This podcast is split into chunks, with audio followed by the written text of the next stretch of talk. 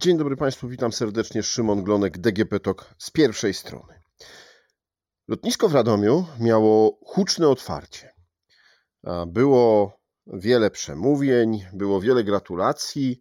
E, wylądował samolot, e, jeden, a później nawet drugi. No i chyba tyle. E, bo jak na razie to znowu lotnisko w Radomiu staje się memem. Ale czy tak jest naprawdę, czy to tylko taki obraz medialny, który odbieram jako osoba niekoniecznie na co dzień zainteresowana tematem? No właśnie, o tym wszystkim porozmawiam e, z Mariuszem Piotrowskim, ekspertem lotniczym portalu flyforfree.pl.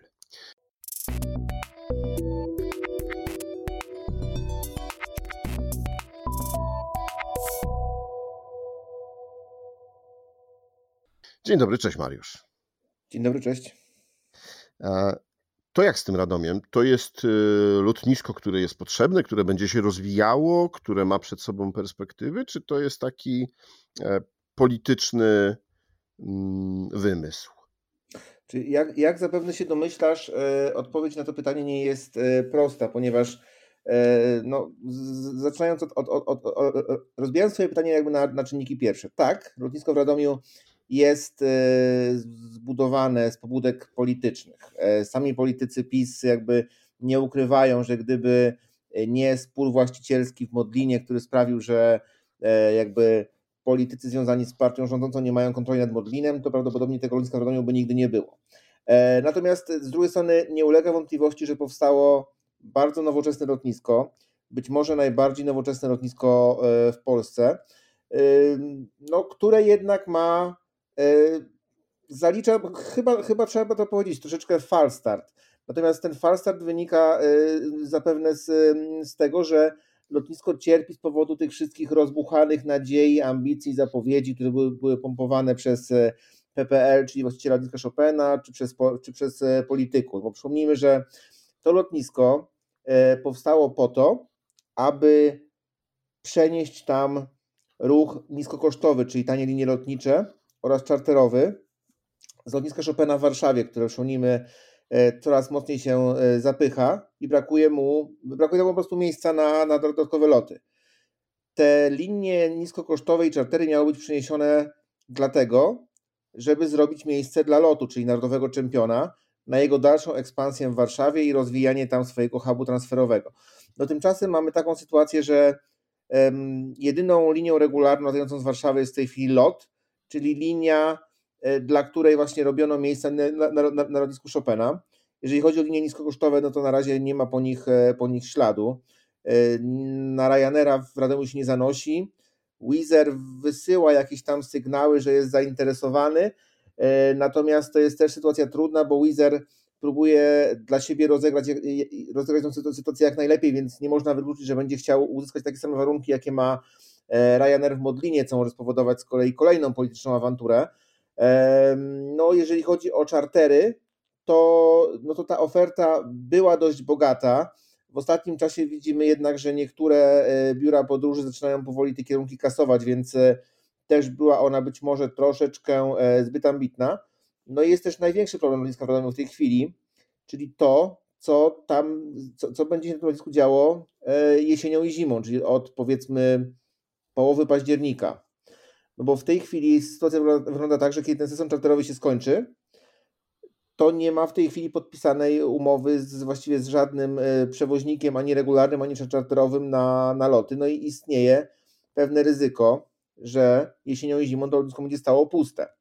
Oczywiście jest to moim zdaniem wizja bardzo mało prawdopodobna, bo e, myślę, że PPL nie nie dopuści do powtórki z rozrywki z, y, sprzed paru lat z tej pierwszej wersji lotniska w Radomiu.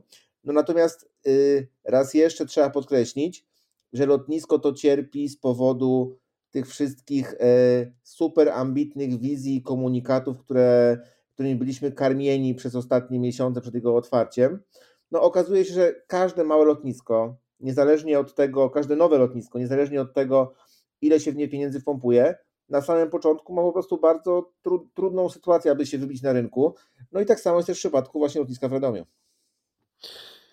No tak, bo pamiętam, kiedy rozpoczynały się rozmowy na temat y, właśnie tego sezonu wakacyjnego, o którym e, my też trochę zaraz porozmawiamy, mhm. to y, pojawiły się informacje, że Ryanair y, rezygnuje z Modlina e, i e, przerzuca się właśnie na Warszawa-Radom. Też bardzo ciekawa jest ta nazwa. Do, na, na, na, do, na, na Chopina, nie do Radomia. A, Albo na, na Chopina, tak.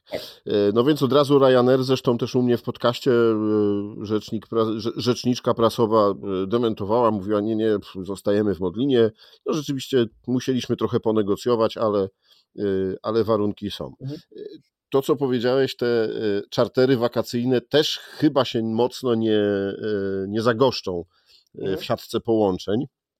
No to czy jest ekonomiczne i czy było w ogóle ekonomiczne uzasadnienie budowania tego lotniska? Wiesz co, to, to, to, to ponownie jest, jest, jest trudne pytanie, bo ta, tak naprawdę jeżeli spojrzymy na koszty budowy tego lotniska i porównamy je e, z takim słynnym dokumentem sprzed paru lat, czyli raportem firmy Arup, która e, porównywała koszty budowy lotniska w Radomiu i rozbudowy e, lotniska w Modlinie jako alternatywę dla E, ruchu nisko, niskokosztowego w Warszawie, no to wychodzi nam, że lotnisko w Radomiu jest prawie, dwa, e, że jego budowa jest, okazała się być prawie dwa razy droższa niż te pierwotne szacunki, bo miało kosztować to lotnisko 420 milionów złotych, a kosztowało około 800 milionów złotych. No i co dostajemy za te pieniądze? Dostajemy za te pieniądze lotnisko, które przez wielu turoperatorów, przez wielu szefów linii podróży jest traktowane, biur podróży jest traktowane jako E, lotnisko regionalne. Tam w wielu wypowiedziach pada takie właśnie stwierdzenie, że to jest lotnisko dla południowego Mazowsza, dla Radomia, dla Kielc, dla województwa świętokrzyskiego. E, też sam, sam, sam PPL też mówi o tym, coraz częściej jako lotnisku, o lotnisku takim typo, typowo regionalnym i gdzieś tak troszeczkę nikną te, znowu te ambitne wizje tego, że to ma być, jak sama nazwa wskazuje, Port Warszawa-Radom, lotnisko dla, e, dla Warszawy, tak? No i w tej sytuacji e, pozostaje otwarte pytanie, czy, czy, czy takie lotnisko regionalne dla Radomia i Kielc, kosztujące 800 milionów złotych, jest e, jakby uzasadnioną inwestycją, zwłaszcza w kontekście, w kontekście rentowności, no bo teoretycznie w branży lotniczej przyjęło się, że lotnisko wychodzi mniej więcej na zero w momencie osiągnięcia powiedzmy w tej chwili około 1,5 miliona pasażerów e, rocznie. Z lotniskami niskokosztowymi, czyli takimi lotniskami jak lotnisko w Radomiu jest, e, e, jest jeszcze gorzej, tych pasażerów musi być więcej, co tutaj dobitnym przykładem jest lotnisko w Modlinie, gdzie z powodu niekorzystnej umowy z Ryanerem nawet po osiągnięciu pułapu 3 milionów pasażerów lotnisko jest na lekkim, lekkim minusie, więc tutaj myślę, że o to osiągnięcie rentowności będzie E, będzie w Radomiu bardzo ciężko. No i jeszcze raz, no, co jest kluczem? Kluczem będzie przyciągnięcie właśnie pasażerów, e, pasażerów z Warszawy.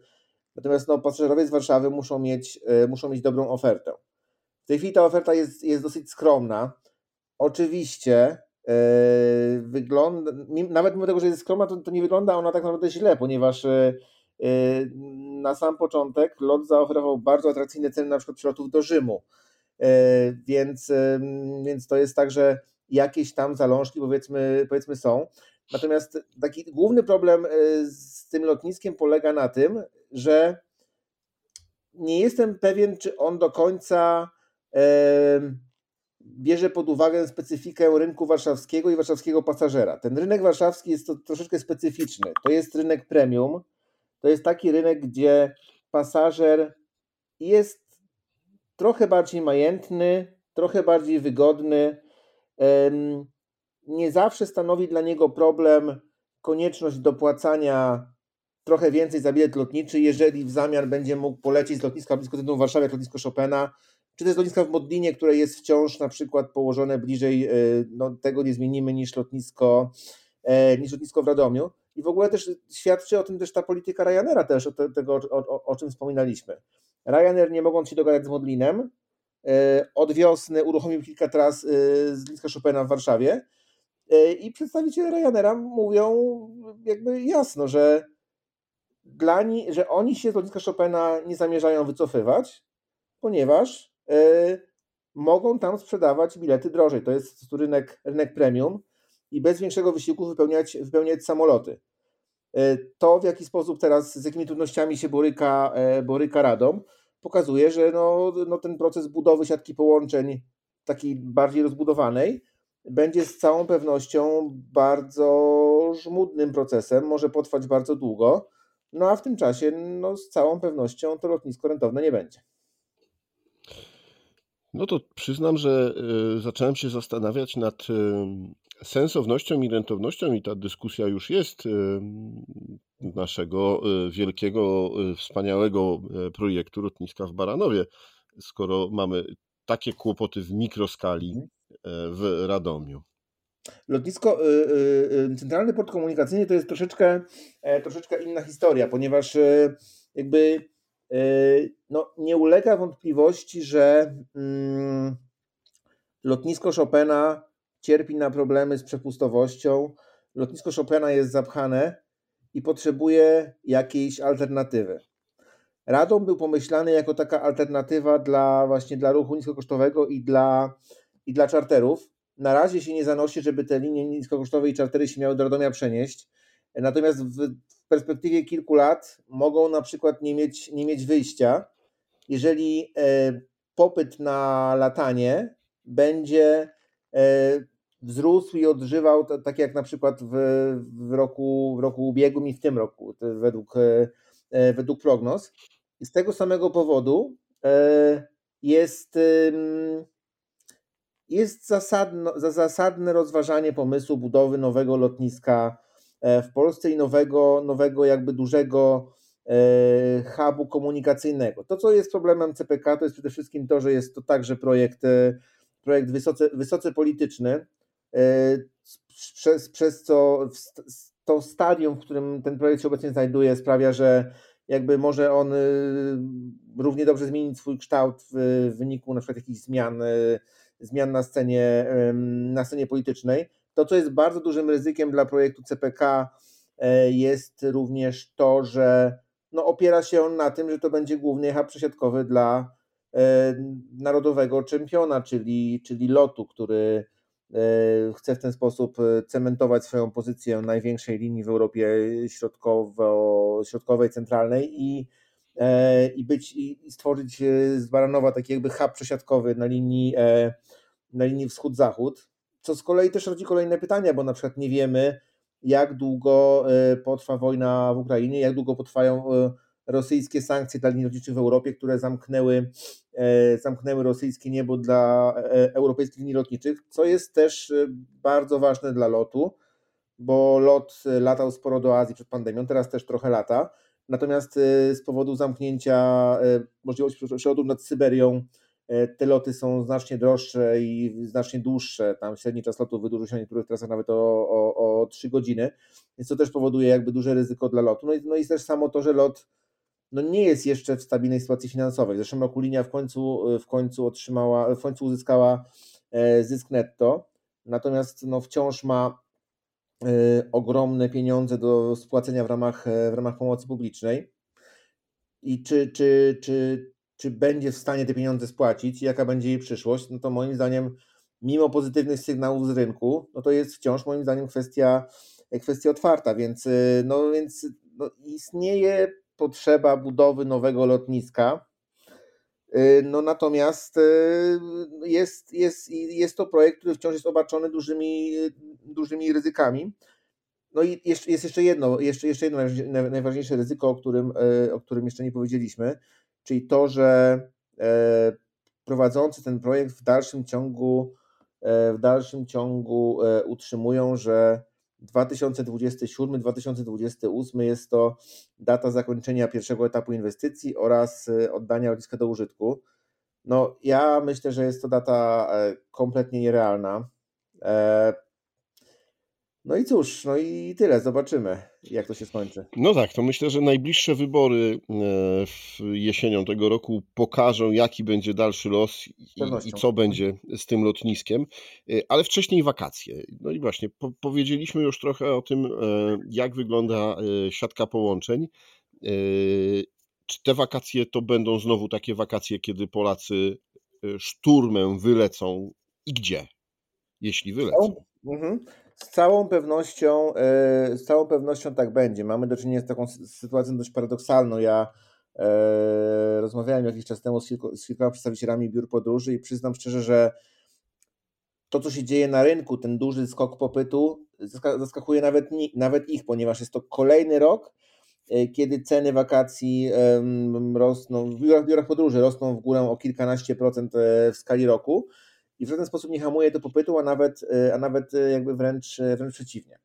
Jeżeli chodzi o te kierunki, które się będą cieszyły największą popularnością, to będziemy mieli z pewnością kolejny rok, kiedy bardzo mocno będzie, będzie szła w górę Turcja. To jest taki kierunek, który nie jest najtańszy, jeżeli chodzi o Y, o, o, o mapę tych naszych ulubionych destynacji, natomiast oferuje zdecydowanie najlepszą jakość, y, najlepszy stosunek jakości, jakości do ceny. Y, no i widać, że podróżni z Polski to kupują i jakby decydują się właśnie na, na wyloty tam. A jeżeli chodzi o pozostałe kierunki, to nie, to, to nie ma sensacji. No, w, w dalszym ciągu jakby mm, dobrą pozycję będą miały też takie kierunki trochę tańsze, typu na przykład Bułgaria, E, w dalszym ciągu w górę będzie szła Albania, która jest od kilku lat takim, można powiedzieć, e, e, czarnym koniem, jeżeli chodzi o rynek turystyczny w Polsce i systematycznie pnie się w górę. No ale też wiadomo, Grecja. A jeżeli chodzi o, o kierunki na własną rękę, to też systematycznie od kilku lat, mimo pandemii nawet, rośnie pozycja Chorwacji. Zresztą Chorwacja to jest też bardzo ciekawy E, bardzo ciekawy case, ponieważ no, od kilku lat e, ceny wszystkiego właściwie, jeżeli chodzi o usługi turystyczne, e, rosną tam dość szybko, więc wszyscy zastanawiamy się, jak to będzie wyglądało w te wakacje, zważywszy na to, że od stycznia Chorwacja znajduje się w strefie euro, a jak doskonale wiemy, w euro bardziej boli.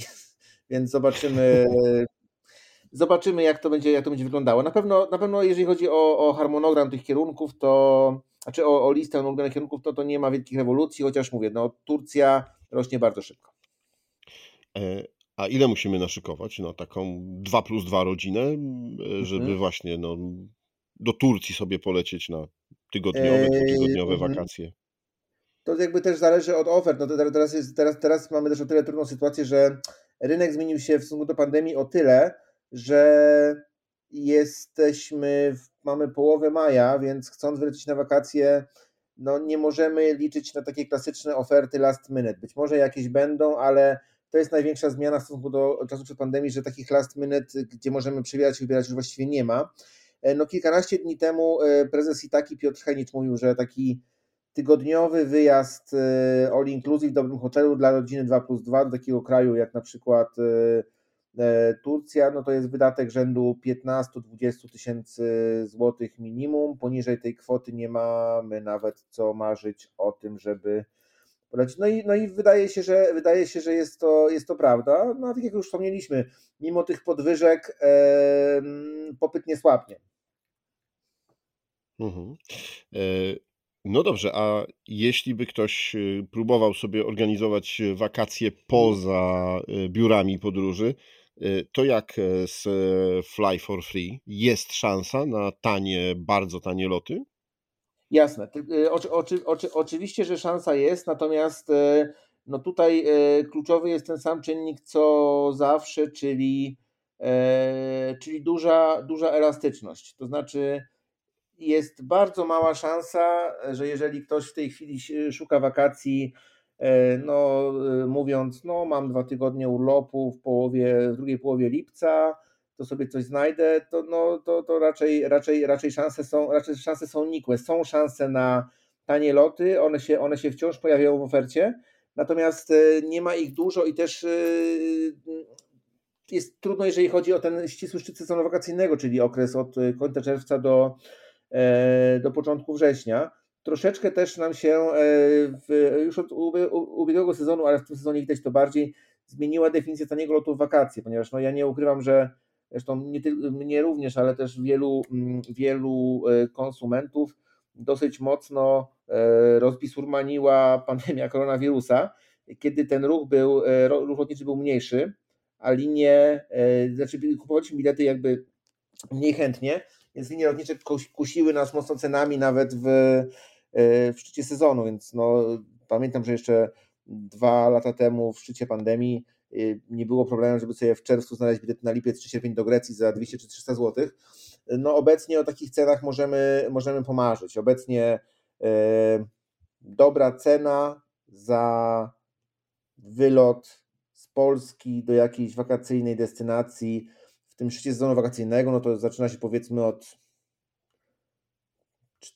400, no może od, no powiedzmy od, zaczyna się od 400, ale taki, takim konsensusem jest pewnie 500, 500 plus e, złotych e, za bilet w obie strony do jakiejś e, Grecji czy, czy Chorwacji na przykład. No tak, czyli jednak na te wakacje, jeśli będziemy chcieli nawet samemu sobie zorganizować, to trzeba będzie przeznaczyć trochę więcej funduszy. Mariusz, dziękuję Ci bardzo za opowiedzenie nam o tym, jak wygląda sytuacja na lotniskach oraz o tym, jak będą wyglądały zbliżające się wakacje i ile musimy na nie przeznaczyć. Moim i Państwa gościem w podcaście DGP Talk z pierwszej strony był Mariusz Piotrowski, ekspert lotniczy portalu flyforfree.pl. Dziękuję bardzo. Dziękuję również. Do zobaczenia, usłyszenia. A rozmawiał Szymon Glonek. Do usłyszenia.